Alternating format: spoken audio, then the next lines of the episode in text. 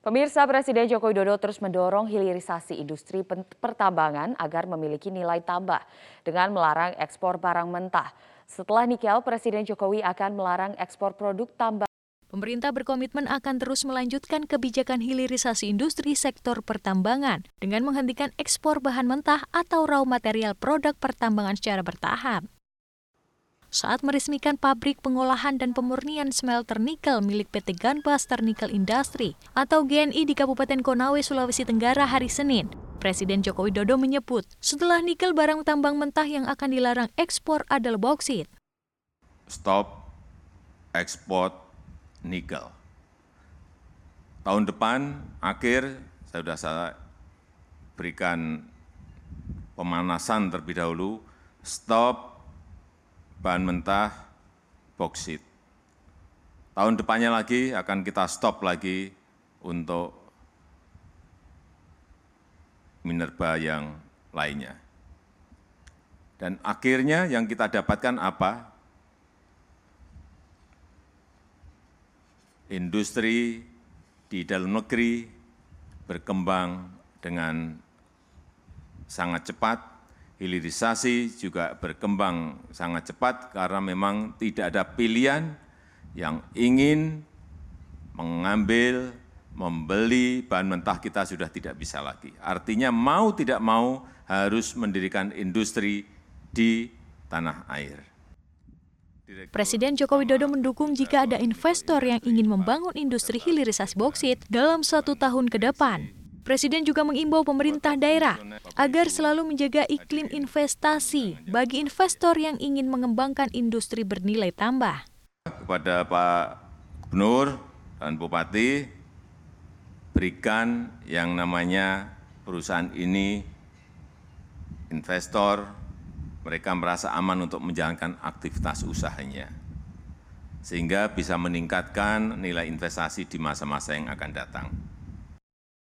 Indonesia memiliki cadangan nikel nomor satu di dunia yang mencapai 21 juta ton atau 24 persen dari total cadangan dunia. Produksi nikel Indonesia di 2020 mencapai 781 ribu ton atau 31,8 persen dari produksi nikel dunia. Pabrik smelter PT Gunbuster Nickel Industry diperkirakan dapat memproduksi ferronikel dengan kapasitas produksi hingga 1,8 juta ton per tahun. Dengan mengolah nikel menjadi ferronikel, diperkirakan akan memberikan nilai tambah hingga 14 kali lipat. Kehadiran pabrik smelter ini diperkirakan dapat menyerap tenaga kerja baru sebanyak 27 ribu. Pemirsa, harga sejumlah kebutuhan pokok di pasar tradisional masih tinggi setelah Hari Raya Natal. Masyarakat mengeluhkan kondisi ini dan berharap harga kebutuhan pokok kembali stabil. Harga sejumlah kebutuhan pokok di pasar tradisional masih tinggi. Kenaikan harga terjadi sejak menjelang Natal hingga saat ini. Di pasar modern BSD Tangerang Selatan, harga cabai rawit merah naik dari Rp80.000 per kilogram menjadi Rp120.000 per kilogram. Harga telur naik dari Rp22.000 per kilogram menjadi Rp32.000 per kilogram. Sementara harga bawang merah dan bawang putih relatif stabil di kisaran Rp32.000 per kilogram. Kenaikan harga tinggi juga terjadi pada minyak goreng dari harga Rp15.000 per liter menjadi Rp20.000 per liter. Masyarakat berharap pemerintah dapat menstabilkan harga kebutuhan pokok agar lebih terjangkau untuk memenuhi kebutuhan pangan.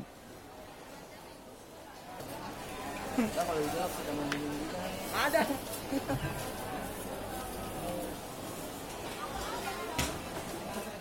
Semoga bisa apa nih? Diturunin. Minta diturunin. Oke. Okay. Yang harganya terjangkau. Oke, okay, baik. Iya, Harapannya boleh apa, Pak? Ya turunin dong, yang juga penting sama petani ya. Rumah Sakit Umum Daerah Dr. Sutomo, Surabaya, Jawa Timur menyiapkan 350 tempat tidur khusus untuk pasien COVID-19. Dari total 745 kapasitas tempat tidur di RSUD Dr. Sutomo, Surabaya, 350 tempat tidur dikosongkan khusus untuk pasien COVID-19 dan yang lain untuk pasien TB, TBC dan difteri. Direktur RSUD Dr. Sutomo Surabaya, Joni Wahyudi, Wahyu Hadi maksud kami mengatakan setiap hari melaporkan perkembangan kasus COVID-19 meski pasien COVID-19 di RSUD Dr. Sutomo Surabaya tinggal tiga orang. Joni yang juga Ketua Satgas Kuratif COVID-19 Jawa Timur menegaskan Jawa Timur sudah siap untuk mengantisipasi dampak dari varian Omikron, yakni dengan menyiapkan sejumlah skema untuk mengantisipasi masuknya COVID-19 Omikron ke wilayah Jawa Timur. Di antaranya karantina orang dari luar negeri dengan memberikan surveillance yang baik sehingga tidak lagi pengalaman seperti varian Delta lalu terulang kembali. Selain itu, surveillance dan imunisasi ditingkatkan untuk meningkatkan imunitas tubuh. Meski demikian diharapkan dampak varian Omikron tidak seperti varian Delta. Dan karantina ya seperti biasa kan. Kalau pintu masuknya kan ada dua di Indonesia, Jakarta sama Manado ya. Nah, kalau yang masuk di Surabaya misalkan tidak terinfeksi sana, Surabaya tetap tetap melakukan screening itu apabila diperlukan nanti bisa kalau positif dan kemudian menggejala ke Sutomo kita sudah siapkan yang tidak positif tentu ruang-ruang karantina kita masih ada isoter-isoter kita masih Pemirsa petugas gabungan di Kabupaten Bekasi, Jawa Barat selasa pagi menggelar random check operasi bagi penumpang bus dan pengendara sepeda motor yang disinyalir hendak mudik merayakan tahun baru di luar wilayah Bekasi. Secara berkala, petugas gabungan melakukan penghentian bus antar provinsi serta pengendara roda dua yang melintas hendak meninggalkan wilayah Kabupaten Bekasi. Kegiatan ini berupa pemeriksaan acak yang diadakan di perbatasan Bekasi dengan Kerawang di Jalan Raya Pantura, Kedung Waringin, Kabupaten Bekasi. Para penumpang dilakukan pemeriksaan sertifikat vaksin. Penumpang yang kedapatan baru menjalani vaksinasi dosis pertama Sinovac langsung diberikan vaksin dosis kedua Sinovac. Para penumpang dan pengendara juga dilakukan swab antigen. Beberapa warga merasa terbantu mendapat vaksinasi di lokasi ini, sementara warga lain terpaksa tidak bisa divaksin dosis kedua karena jenis AstraZeneca tidak tersedia. Kegiatan operasi vaksin ini merupakan rangkaian pengamanan Natal dan Tahun Baru yang akan digelar hingga 4 Januari 2022 mendatang. Ya, kenapa nggak sebulan, kenapa sebulan jaraknya? Di sini penumpangnya kami akan melaksanakan, di sini sudah ada pos pelayanan mulai dari swab antigen dan apabila belum melaksanakan uh, vaksinasi, kami melaksanakan uh, peduli lindungi langsung dilaksanakan. Pemilihan Presiden 2024 masih harus menunggu dua tahun lagi. Namun beberapa nama kini sudah menjadi sorotan untuk bertarung di ajang lima tahunan tersebut. Menjelang pertarungan kursi tertinggi di Indonesia itu, beberapa tokoh mulai menampilkan diri dengan berbagai cara. Mulai dari menebar baliho di pinggir jalan, tokoh-tokoh itu juga aktif tampil di media sosial termasuk mencoba peruntungan di kanal YouTube. Salah satu yang paling terbaru yakni Gubernur DKI Jakarta Anies Baswedan. Kanal YouTube berjudul Tagar dari Pendopo baru dirilisnya 11 Desember lalu. Anies beralasan pembuatan kanal YouTube ini sebagai media berbagi kisah dan pengalamannya dalam merumuskan banyak kebijakan. Selama ini saya menjalani begitu banyak hal yang jadi pengalaman. Ada perspektif, ada eh, pengalaman, ada pembelajaran, yang itu semua saya rasakan, saya jadikan bahan refleksi, dan menjadi bahan untuk saya bertindak, berpikir. Nah, lewat channel ini, saya akan membagikan itu semua. Meski demikian, Anies menolak untuk disebut pembuatan kanal YouTube-nya sebagai strategi jelang pemilihan presiden 2024.